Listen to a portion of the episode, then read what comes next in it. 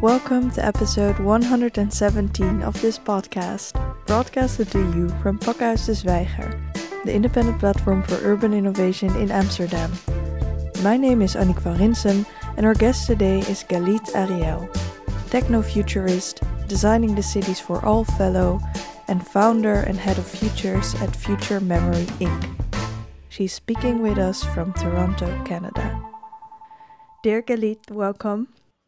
Thank you for having me. Um, I love Pakhuis de Zwijger and I lived in Amsterdam for 12 years, so it's really exciting for me to contribute to such a great initiative. Well, we are very happy to have you. First of all, I want to ask you for you as a techno futurist, there is no singular future. So you help organizations and companies to achieve their desirable futures. So, how do you go about doing that? So, the first thing that any company needs to consider when it desires innovation or change is where is it? Where is it in its own maturity? Where is it in its own willingness to, to sacrifice or invest in such a future and to be very honest about it? Uh, because it's very easy to make promises um, that might look quantifiable such as uh, oh you if you only do digital transformation then the head count uh, and the eyeballs you'll achieve will be great and and then you'll make more money and then you'll grow and you know everything is linear and exponential. But as we know and we probably learned in a very harsh way in the last two years, um, exponential futures don't last. Actually, nothing in this universe is exponential, including the universe itself. So, what I'm trying to do is help these companies figure out, first of all, what they want, what they can achieve, and also where they're at within the culture um, of technology. And the culture of technology is not just built by technological abilities, but um, the culture of technology is also very reliant on, I would say, social social circumstances. So I have two pressing questions. The first one is um, if you can explain why the universe is not linear and um, how you found out that we are not doing it right. And second of all, how do you how do you um, notice when you work with other people if they are being honest in their willingness for change um, and maybe not only honest but also insightful about it? So how do you see real change versus um, kind of going along with with wanting some innovative things?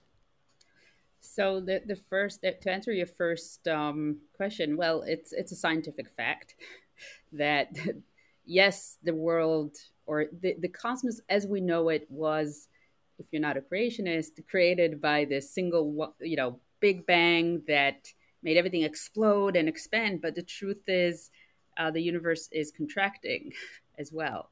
Um, so this idea that you can only move at one pace, you know, this it is a capitalist idea that is quite new, to be honest, to our culture, and also, I want to say, diffused by very specific Western cultures.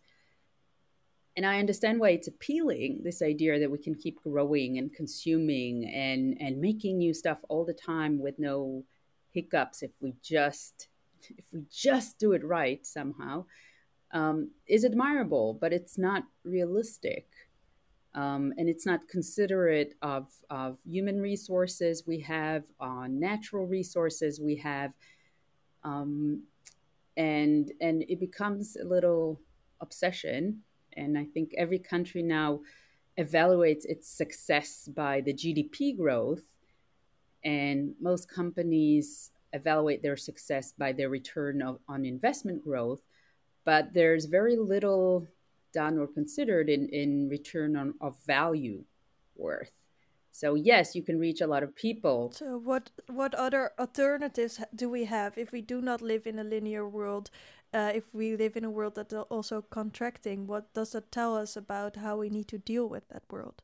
Well, first of all, for me, when when we talk about business practices, this is the true agility. It's accepting the nature of the world and accepting also our role in it and our effect on it.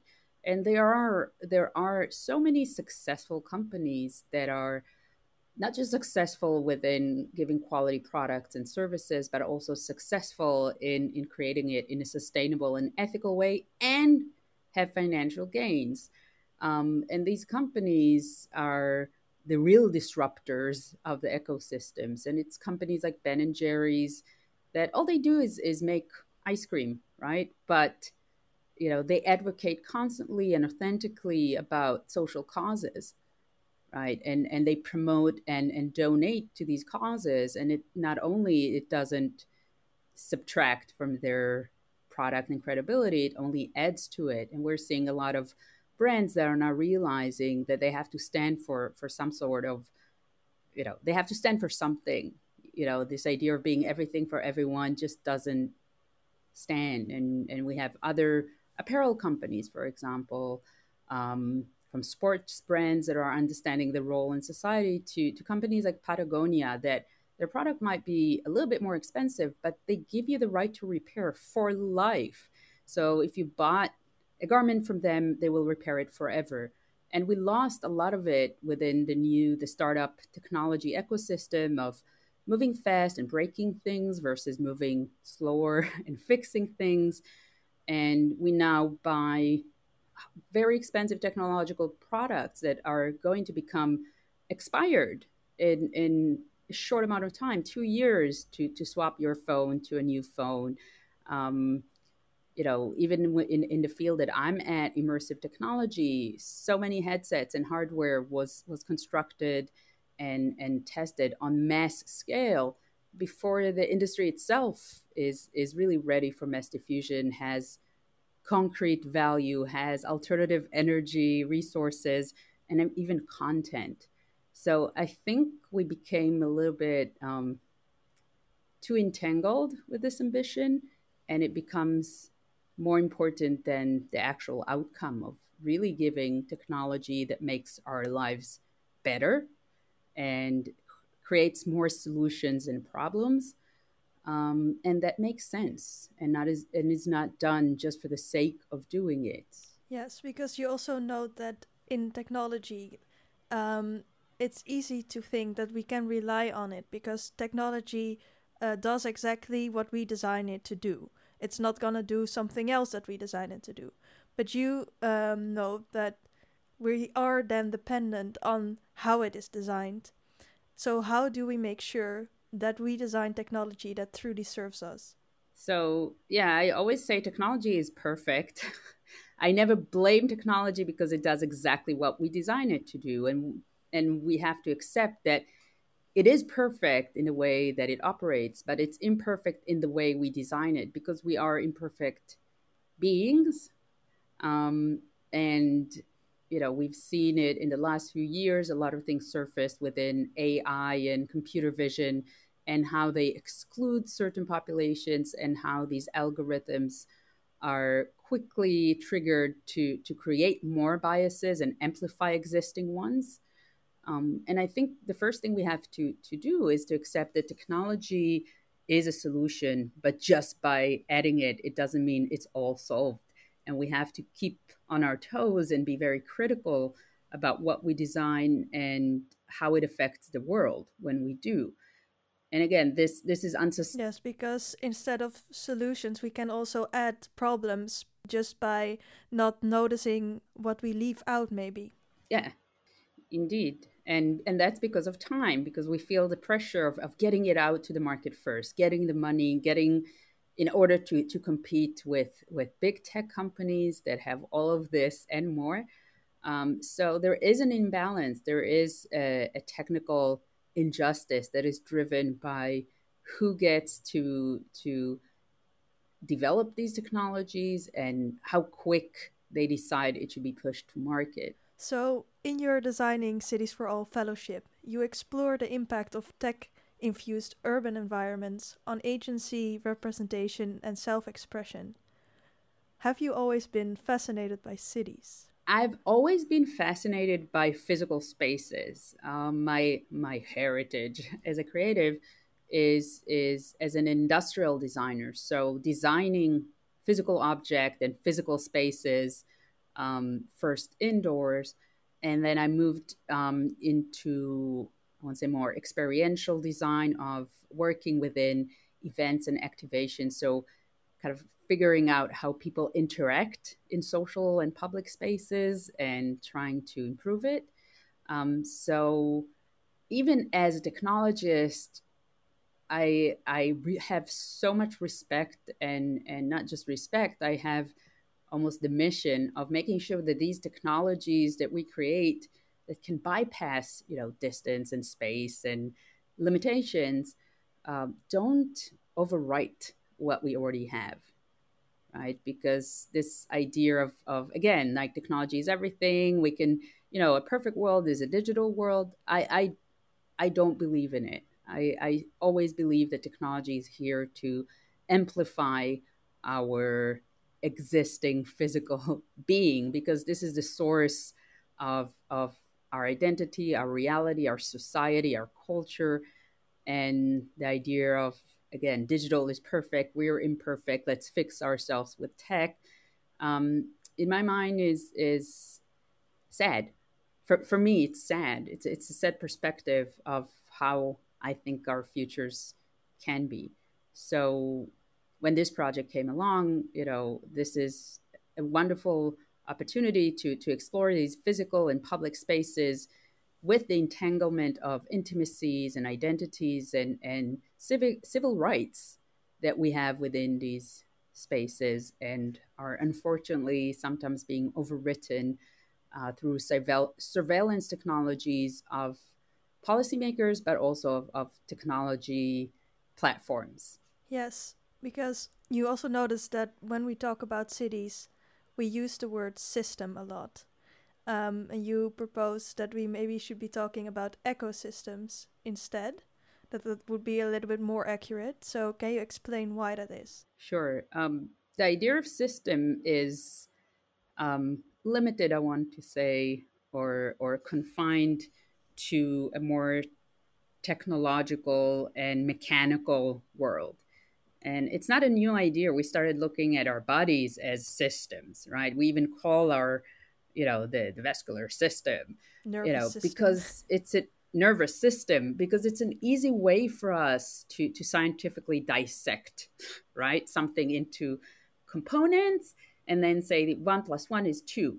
But again, I think the truth is that one plus one is always three, um, especially when we talk about organic life forms and and intuitive ways of living that is not just systematic. And within cities, yes, there are systems in cities, right? There are things that need to operate for, for the community, but there's also individuals and communities and cultures that cannot be quantified and that they are organic and precious and valuable. Um, again, I don't want to harp on on COVID, but we really, I think there has been already a big shift in in cities and urban environments and habitats due to the last two two years, and we need to reevaluate. You know, what are c- cities made from? Is it just the building and buildings and the efficient systems, or is it also the people? that choose to be there and to to live there and how do they choose to do that? And what authentic cultures they bring? If we forget that cities are becoming just i don't know an open space hotel um, but What- not a mean- community what do not you a mean culture. By that? But uh, if a city becomes an open space hotel, Well, if a city is only valued by its services and property value and and systems, um, we're not there to live in. We're there to operate in it, right? Um, we are there to to come in, do the work, interact because we we can and have to, but we don't live in it. We don't participate in the city. We're just cogs in the system. Um, and when cities have give space to I want to say imperfections of human living, where we can organically collaborate and create our cultural stories and myths and, and spontaneous interactions, in that case, that city will have a true life force you know beyond the system. This is the ghost in the machine that we keep trying to have our machines have right? We're looking for the singularity self-awareness but we we operate against it in real life as we try to quantify and and deadify everything and and we have to have let life be in it and be free to be in it uh, versus uh, systematically controlling it controlling it is is this then a question um, of being versus consuming, or is that too simplistic? No, it's it's simplistic but correct, right? because we we cities have evolved um, for a lot of reasons, uh, but a core reason is is also the economic force and the social force it has. You know, right now there's the the climate. Um, you know the global climate uh, meetings of the leaders of the world but the truth is that that the coalition of cities um, that started a few years ago uh, was probably a more effective way to deal with climate crisis because cities are the, the producing and the consuming powers um, of our reality and when cities come together and decide to solve their carbon emission um, we are solving the hard problem so it's understandable that cities have this economic and efficiency and system thinking in it. But again, even the most efficient cities, uh, there's been so many smart cities that have been either cities that have been repurposed or cities that were constructed as smart. And to be honest, you know, um, they're not it so doesn't smart. really work. it, well, they the cities are smart. The cities are smart, but what about the communities? Are are they making intelligent community connections? Are there, you know, are we participating better in a better way? Are we more connected to a city that is connected? Um, yes, can you know, you maybe it's it's a purpose. Tell a bit more about um, what a smart city is exactly and how it functions. Um, smart cities are normally is normally the description of of cities that have services that are digitally streamlined. Um, what does that mean? What does it mean? give give us concrete what examples. Does it mean? well, first of all, digitized services that you can access uh, city services through digital platforms um, which hopefully make your life easier, but also the ability to collect um, data uh, become better in order to make better policy decisions. So if if the city knows how many you know medical hotspots or or policing hotspots um, are are required in real time, it can also change its services um, in a better way. Uh, it also has a data uh, a data analysis layer. Uh, all this information that is brought together is analyzed in order to to create um, a social data practice, which is a term that was defined, I think, 30 years ago. Uh, social data that you know the sum of all the behavioral data that is collected um, can be then analyzed and and amplify the service. Uh, and normally, um, smart cities um, really, or, or, the terminology that became smart city terminology, um, was really coming to life when, when private companies and, and organizations, big data and tech and mobility um, services that might not be technically under the policymakers' uh, authority, are also participating um, in, in this data stream and they can you know share mobility like drivers people driving through the city citizens or not to to improve traffic flow um, and and to give services and connect, connected services within the physical space the urban space.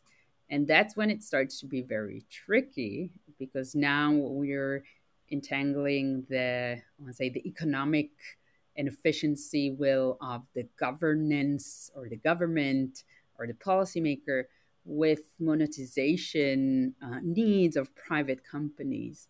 And in fact, in most smart cities, you know, and and that's true to to any government service. It's not the government itself. It's not the policy maker themselves that are creating these digital systems. They outsource this to private companies. So now, you know, and I'll, I'll give a recent example from Toronto. Um, Alphabet, the, the mothership of Google that already holds, I don't know what percentage of our personal data and commercial data and civic data. Uh, Can you give an indication how much percent it is? I, I, I wish I could, but I, I want to say but if you have to guess, is it a lot or a little? oh, it's a lot. It's I would say seventy percent. You know, for most people that I know, okay. Uh, when we use a web browser or Google emails or anything, they they have so much access to so many data points. Um, you know that that we deliver, um, and and this is like you know this is how they make money because they're free. But what they do is harvest our data and sell commercials and sell that data to to companies that want to um, leverage on our behaviors and push us to to do other behaviors um, that are beneficial mm-hmm. to them. Um, so they they actually won um, they won the the up there was uh, do you call it not a challenge it was uh, an open competition to develop um, to develop um, a big um, area on the waterfront in Toronto, um, and they won it through through another company, uh, Sidewalk Labs, that they own. Um, and their intention was to develop a complete urban area, so to build a smart, you know, neighborhood. And for the city, it was very beneficial. Like here is a company willing to to develop an area for us and make it very successful. Uh, for Alphabet, uh, the intention was quite different. Of course, they would make money out of, of the properties and the development they will make, but their their big um, hook into this was to be able to have these connected physical environments. So anyone living inside the houses that they will build or walking within the neighborhood or living within the neighborhood uh, will have their data extracted just by being in a public space. And that's super scary. And what kind of data is extracted? Well, any kind of data that we have today, for example, in terms of, of just being in the area and, and linking to the whatever Wi Fi or you know service there will be but even in a deeper way because people that will be living there will be monitored 24 7 their behaviors their actual behaviors not just their online you know online surfing. We're talking about physical behaviors. but also if if if they are inside their own house yes so uh, the intention was to have everything connected. And again if you live if you bought a property there this is your choice fine you know i'm like okay you you do you but but the issue starts when when if i would just walk past this neighborhood um, the data from my mobile phone will be exposed um, the way i move in space who i meet in this space will be monitored and interpreted. Um, even the way I walk. So they, they at the same time they also patented a way to even if your phone is switched off, if it's in your pocket, they can track the way you move, you walk in space. So this is now giving them uh, a lot of data about how I behave in the world. Right? There's that that's scary stuff, and there's so much we learn from how people walk through a space. Uh, we can even determine their health condition. We can determine their social construct. We, we can determine how they make decisions. Um, and this is becoming very dangerous uh, when we start, um, when we have no privacy anymore, right? If I go. Yeah, because this this is one specific uh, area, but if this becomes the norm, then if then for me it seems like horrible if I don't if I cannot go out into the world, into my own city without being constantly yes. watched. Like I really like the feeling of biking home at night when there's nobody around and just kind of dancing on my yeah. bike. You know, it's really weird, but like I I just want to have this this feeling of being alone but not alone in my yeah. room unobserved in, in unobserved uh, unobserved in public yeah. that's such a that is really gives me a feeling of being alive yes. I, whereas if i would cycle home alone at night um, but i know that all my data is being dis- extracted then i don't feel free to to like listen to my yeah. music and just like kind of yeah be in the and, moment. And we already gave, and, and we know how what a slippery slope it is. We already gave so much of our agency and privacy online because you know that's how it's done. We're very compliant. We're we're even um, more than compliant. We're participating in in giving our data away, right? Uh, we rarely check, mm-hmm. you know, if our health tracking apps are protected or not. We assume they are uh, we kind of given up on our digital data agency. And that's a big problem of its own that I'm, I'm always working on and, and advocate for us to unlearn. Uh, because the idea you can't have social media without giving up your privacy is not true. of course, you can. It's just, you know, we accepted the ones that are built like that are just, you know, easy. Mm-hmm right? But of course of course we can build things with privacy. We just didn't you know so we accept it and if we start well and some people did but they're not popular enough so your friends are not on it yeah because it's it's all about this popularity you know. Again it's about expansion. It's about how many people how many eyeballs you you reach um, which which is in my in my mind an issue because that's if the value of technology is like how far can we reach versus how deep and how well um, you know, I love technology. It breaks my heart. Uh, and if and when it happens in cities as well, then we have nowhere to run because if we're surveilled at home, if we're surveilled, you know, online, if we can't even go out, you know, and be offline or be safe or to choose it or to be invisible in a public space, that is yeah then then it is a system. It's not an ecosystem. We're not living in in the world. We're operating in it for somebody else's uh, benefit. So coming back to the example in toronto with the sidewalk labs i have a few questions. First of all why would people choose to buy a house there where they are constantly monitored in their own house? Like what's the benefit well the benefit is again it's a great it's a great uh, first of all i want to i want to i want to shout out and say that this initiative has been um, debunked. It was actually an amazing group of, of local activists, including Bianca Wylie and, and writers and authors, and that really acted within the civil rights, you know, the, the urban civil rights, and challenged this decision and challenged and called for better privacy uh, restrictions and data restriction laws and they won in the sense that the, the city of Toronto complied and asked that of Alphabet, and Alphabet eventually backed off the project themselves. Uh, because again, they weren't in yeah, there; they were they in it for the data. data. Yeah. So it kind of tells yeah. you what the intention was. Uh, why would people choose it? It's the same. Why would people choose to go on Facebook? Because it's easy. Because they accept that this is the way. Because they don't necessarily see the harm it will bring because data and technology are, are things that are a lot of time very uh, abstract. It's like my data what is my data? It's like this concept that i never have mm-hmm. access. It's not it's not when we if i have money in my bank account i can count it. I know my i have you know whatever you know a hundred thousand. I don't but if you have a hundred thousand euros in your bank account you know, and it's yours and you own it, then you'll be more precious about it and it's traded. But right now, um, we are in the stock market of data where we are the product, we are emitting the data, uh, but we are not part of.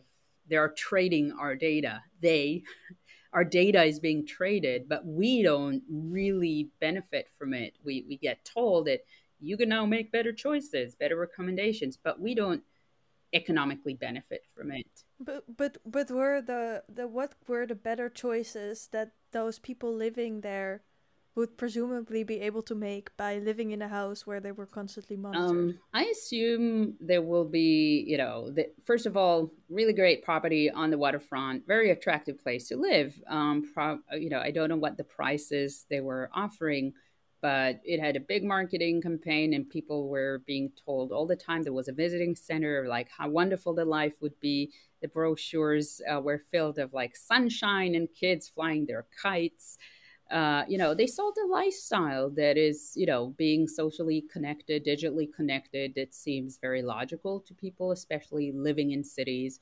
So let's start with the fact that, you know, connectivity is, is our prime assumption of, of social participation, right? You, you participate by being online or you're invisible somehow. You, you disappear if you're not digitally connected. Um, so that's a cultural paradigm mm-hmm. that has been pumped to us a lot uh, and we believe very much. So that number one is the assumption that it's like this is normal, this is the future. Um, number two, of course, there were you know beneficial traits. You know, if you live as as they market smart cities as well, if if you live in this you know monitored environment, you get a lot of benefits of, of having better services, of having your individual needs catered for, of having communal needs uh, understood and and adhered with and it's not untrue, but the question is where do you put the emphasis of quality of life? You know, of course, quality of life is, is having services, but when, again, like when you live in this super efficient machine, um, is this all you want from life? Um, and that's a personal choice and a personal question, I think, for, for a lot of people. Um, so there are again there are benefits to to this big data pools and their analysis. There are definitely benefits. We're we're living a life that you know can can have quicker response to to certain situations. Um, sometimes it's necessary. Sometimes do you get your package in one day or three? Will your life be ruined? I don't know. Um, but there are benefits. But in this specific case, the risks and and the invasion to our lives, our bodies, our behaviors, in my mind, um, are just too risky. And unfortunately, we don't have regulations about it. Yeah, can you tell us a bit more about those risks because I was asking a lot about the people that were willingly living there. But of course, the activist also st- stood up mainly yes. for the people just passing through the area, right? That are not giving consent and just the data is extracted. So, what are exactly the dangers? Well, the this? danger the danger of this is that we have now algorithms that first of all are no more about our behavior than we are aware of our behavior so they know our patterns, certain patterns in, in a deeper way. So they know what will push me to buy something. When do I buy things? It's especially monetary. Uh, who I interact with, how many people I influence, how important am I in, in a data system economy? And if they know more than I do, um, they can nudge my behavior. And we already, again, we already seen it with social media, with and and marketing with gamification because we are you know there is there is a child mind inside us and we like to be rewarded for things so these little you know the amount of people that follow us makes makes us feel more seen and more loved um, the the when we get likes when we get uh, digital you know badges and achievements we feel like we achieved something we have some some way to to benchmark ourselves with the problem begins of course when when this is becoming our core self evaluation system. Um, and we've seen this already how people are emotionally distressed um, because they're so used to these behavioral loops of, of getting digital gratification from their social presence. And when they stop getting it or not getting what they want, uh, they just try to do more and, and grab and, and actually change their behaviors in order to be, you know, to keep that level of appreciation. So behavioral nudging is, is part of the darkest parts of, of user experience design in digital platforms when it comes into our physical behaviors when we're now will get um, you know gratification from our physical behaviors in digital means, that's becoming for me very very corruptive in in the way we live our lives. And of course it also takes data into other systems that will affect us economically. So the way we engage in facebook is harvested by a lot of by some i don't want to say a lot but by some insurance companies. So they check how many drunken photos you have on facebook and then they can they will assume you have a you know a reckless behavior and thus your your um, insurance policy um, price will go higher. Goes up. For example. Yeah. What fascinates me is that there was a lot of uh, outrage about um, like the point system in china. Um, and somehow uh, when it is companies that give you this like point system um, it's not as scary to us as if there's a government that like designs this point system and i really wonder why. Um because we bought into the dream we were sold right? Um and again it's it's um it's it's quite sad in in my mind um the way that big brands and big companies are offering now value systems that we buy into um, very easily and very readily. Um, and it's kind of a herd mentality of like we we look around us and it's a survival mechanism since we were, you know, Neanderthal beings of like looking around us and and kind of like going with with what other people are doing around us because that's recipe for success. You know, communal affirmation.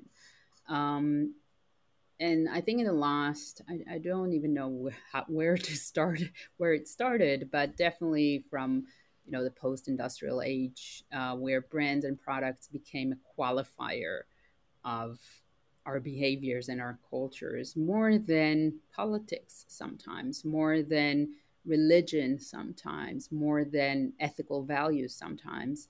Uh, we bought into this lifestyle culture. Um, so you know we, we, we just allow it um, in in recent in some in recent talks I give, and I think I showed that slide in in the last uh, Pakhuis de Zwijger um, kind of panel we had. Um, I put next to each other the the AR glasses, the augmented reality glasses that Chinese police uh, persons wear in order to track your civil behavior and grade you upon it giving you denying passports, uh, reporting to your boss, uh, putting on record your behaviors in public space, and all the outrage that was around it. And next to it, the Ray Ban Facebook um, glasses uh, that just came out and were the rave of everything because, like, oh, how cool is that? I can now 3D scan everything around me, but also everyone around me. So the only difference is that now we are becoming agents of surveillance multiple agents of surveillance um, without any, you know, the Chinese police people at least wear a uniform so we know, you know, uh, when when we have people walking down the street with fashionable glasses that might be recording our actions and movements, um, we don't know anymore. We lost completely um, the connection we have as as users that now can control the world where there are digital artifacts into the ones that are actually being uh, affected and recorded by them.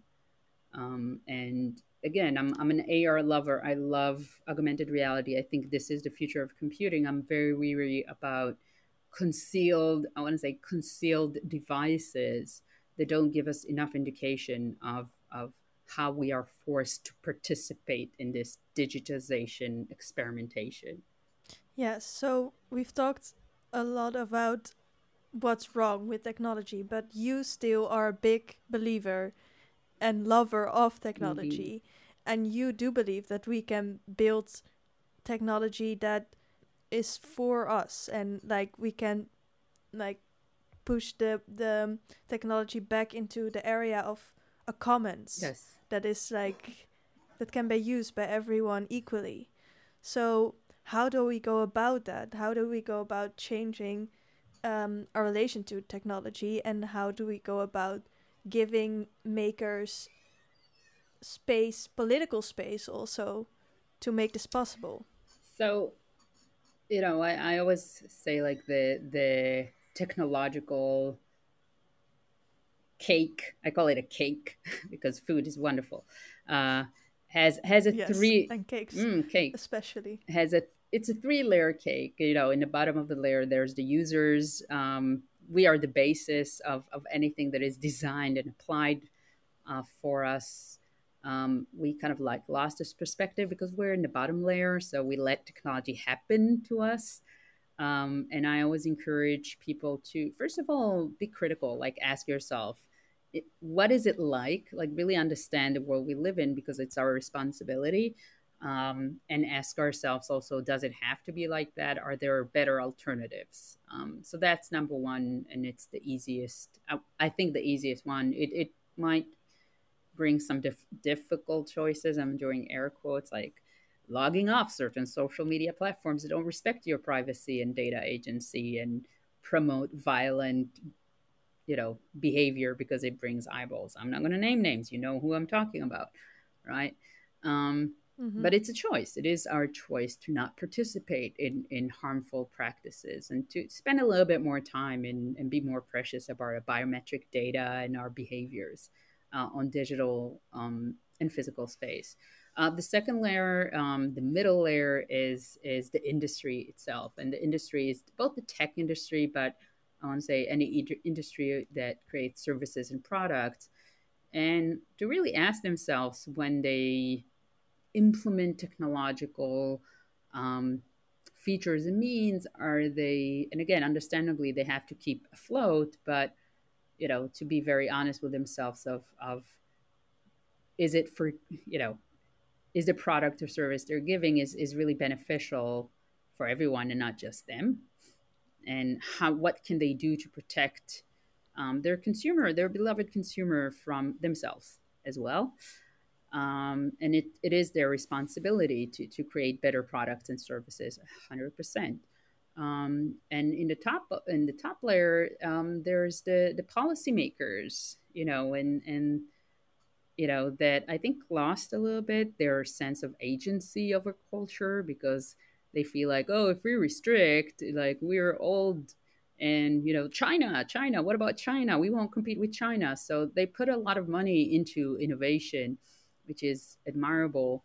Um, but the question is, are they really putting this money into, you know, social impact and hard problem solution innovations or personal profit for private companies innovation and well you might have some insights into that it's more of the second to be honest because even when they invest in startups because they all want the startup culture and to be the tech nation um, there are very few restrictions so they might be investing in the r&d of a wonderful company that will be sold a year or two later to one big tech corporations because that's where most of these companies end. So governments are paying for the R&D and for knowledge ownership by big tech companies. This is what's happening right now because they feel the only way they can control it is to outsource it to this tech system of startups and they don't take responsibility of, of developing it themselves, uh, themselves because it looks like it looks bad that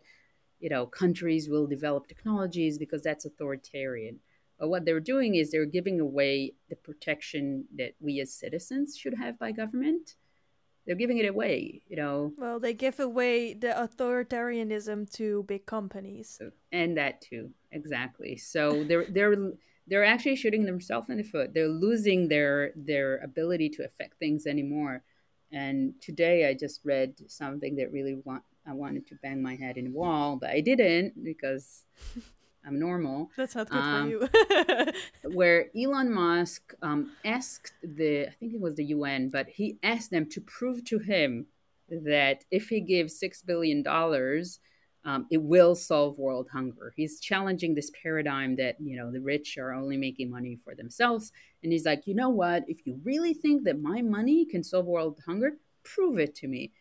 And for me, it was quite an amazing situation where an individual is challenging a world, a global organization to prove to him that yeah. giving money for a good cause will do anything. He for that he needs proof to you know to build a spaceship from Mars. Not at all. For you know which we won't be able to inhabit within the next I don't know 200 years because we can't. But you know, but that he needs proof for it. Like prove to me I, that this hard problem can be solved. And maybe there is no such proof, but I, I'm, I can assure you that six billion dollars of his money will definitely improve the situation. So I'm kind of shocked by the power play that we have now, where companies and individuals have more power, they have more money than governments. Apple, on its own, in its cash, you know, the pile of cash it sits on, has more money, has, has you know, a, a bigger um, financial yearly flow um, than the state of California, where the state of California, where the high tech, I mean, it's insane. Where the power paradigms have shifted in yeah, a way so that is Elon, insane. Elon Musk is more powerful than UN. You could argue by this. Yeah. By this power play, and um, how big is the group of individuals and and not individuals but like people that come together that are pushing against this power system. Not big. Uh, or i want to say not big enough not predominant enough to you know these are people and and these are coming from all you know traits of life from people like naomi klein to to economists and behavioral economists and tech ethicists and, and creatives um, they're trying to push the envelope but they are normally the ones you know they're the outliers. They're they're the ones that you know you bring to listen about ethics but following it um, demands again a really big sacrifice that a lot of companies and societies are are not willing to do because they're also not primed to do.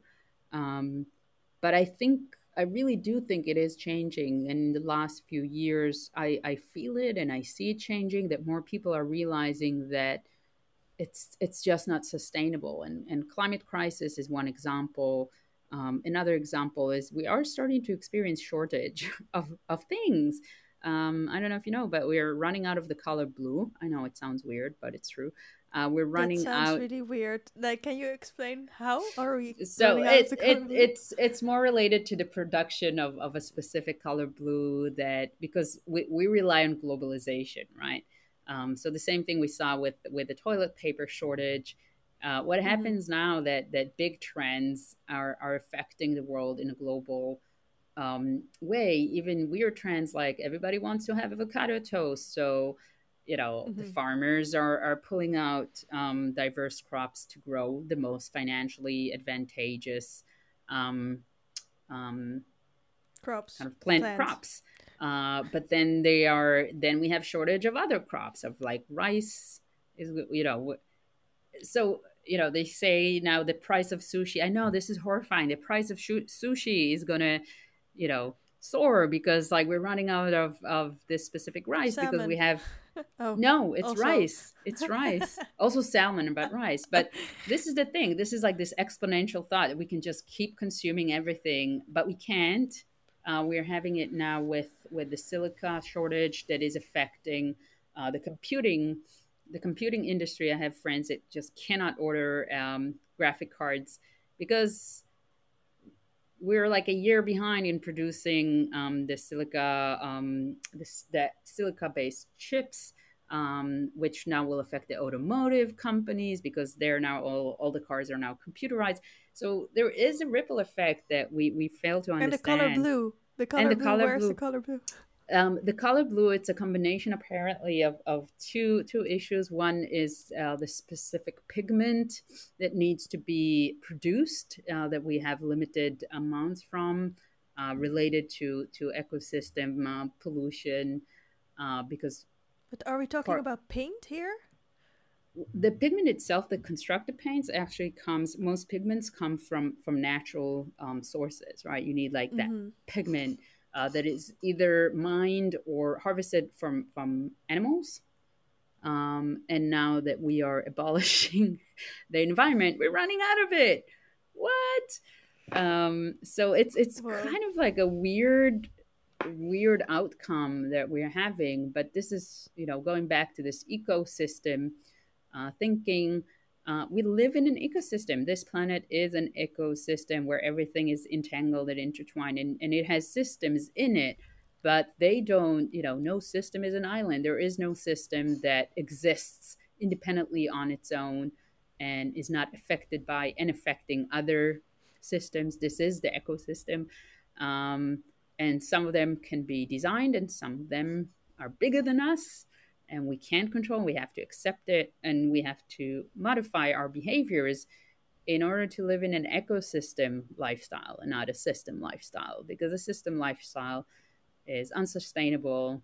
Um, we actually can't support it at the moment because we're running out of resources from colors to to to actual um, the ability to to produce physical products and to ship them and the ability to power them. And this is their reality. You know, this is not just far future science fiction dystopian. This is their reality. It's just, you know, cause and effect science. Um, so maybe if we're a cause, we can change the way we affect the world and ourselves and create the technology we really, you know, will benefit from and that we really intentionally desire and not um, let it happen to us by a group of individuals that need to be persuaded to help solve world hunger. Mm-hmm. Yes. So, what would be the first steps to getting there? So, I think the first step is to evaluate where we are and be very honest about where we are and where um, we're trying to get. Um, that's number one. We, we just do, don't seem to have time to stop and assess because we feel like we're racing towards this future all the time. But we, we don't stop to think about wait, where, where are we right now? Can we even get to where we're where we wanted to? Um, and and I want to say to to accept that ecosystem thinking versus system thinking to to really think more about the effect of our actions on others and ourselves. Not because, you know, it's a nice thing to do, but because we have to. You know, it's it's again, it's like simple logic. We really, you know, to create sustainable practices. It's not about sustainability. It's not just about hugging trees. It's to be able to to grow because we sustain, you know, a healthy a healthy practice. Right? It's it's it makes economic sense in my mind. So, um, if you would give some tips to the listeners, like what can every individual do um, now to take responsibility for the world we live in? Well, I think they can first of all look honestly at, at what they are engaging with and ask themselves, does this bring me joy? And, and I'm not talking about satisfaction. Marie Kondo. no, yeah, trust me. I'm like my if she comes to my house, I think this is where she'll have her meltdown because trust me, everything brings me joy. Like look at it. Like this bookcase behind me has like triple the amount of books I really need and I'm also greedy mm-hmm. in, in certain ways. Um, no, but what brings us joy, like going back to like deep value, like, am I really happy because of it? Or am I caught in this, you know, loop of, of being told I'm happy? Um, and, and what does it mean for us to be, again, I, I know it sounds really weird, like, oh, being happy. Um, but it is a big part. Like, are we living our lives or are we operating within systems that were designed for us to express joy? um, and make the well, choices. Yeah. yeah. make choices that are true and not um, prescribed, and also stand up. Also, be willing to to say, you know, I know, like my personal experience. I love meat. I'm I'm a carnivore. I was a vegetarian for a while, and I became a carnivore. Um, when I grew up, and and it's killing me because I know the how harmful it is for the environment, and this idea of eating a living creature is insane. Um, so um, I actively reduced it. You know, I'm not over meat completely, but I reduced it to like what, eating meat once a week versus eating meat every day. So it doesn't mean like you don't have to give up everything, but give up the things that don't that you know are wrong, right? We know it. We all know it. Um, you know, be in control yeah, then, of your then life. Then again, it is so hard.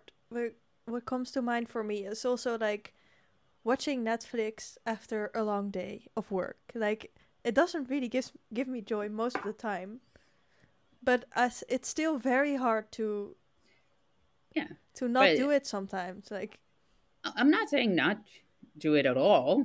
You know it has value. That's why you came into it. But reduce try to reduce it. Like you know be also compliant with yourself because we are all sucked into this lifestyle that it's very hard to avoid without being socially disconnected completely because this is the standard right? But you know give yourself more times you know if give yourself more activities that aren't Netflix, right? Build that space for yourself. Um, you know, that's a simple example. You can't change everything, but you can change some things. And you can choose what you consume, you can choose what you produce, you can choose who you donate to, and you can choose for it to not happen to you.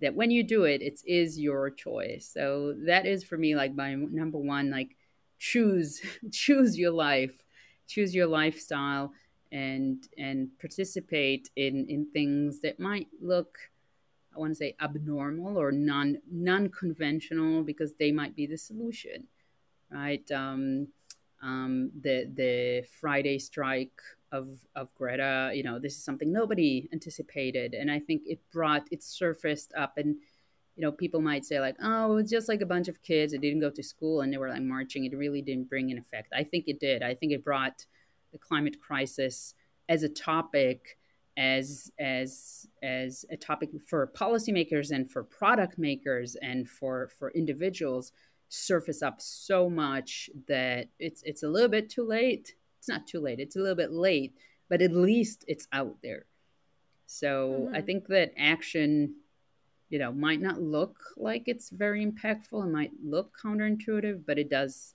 impact and and change things eventually. You're a believer in the little steps.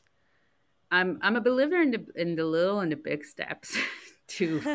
but I'm I'm a big step kind of person and and I chose I chose that I chose a life that is outside, you know, corporation and you know, I know there's a lot of people that really believe that if they come into a corporation, they can change it with, with from within and make more impact.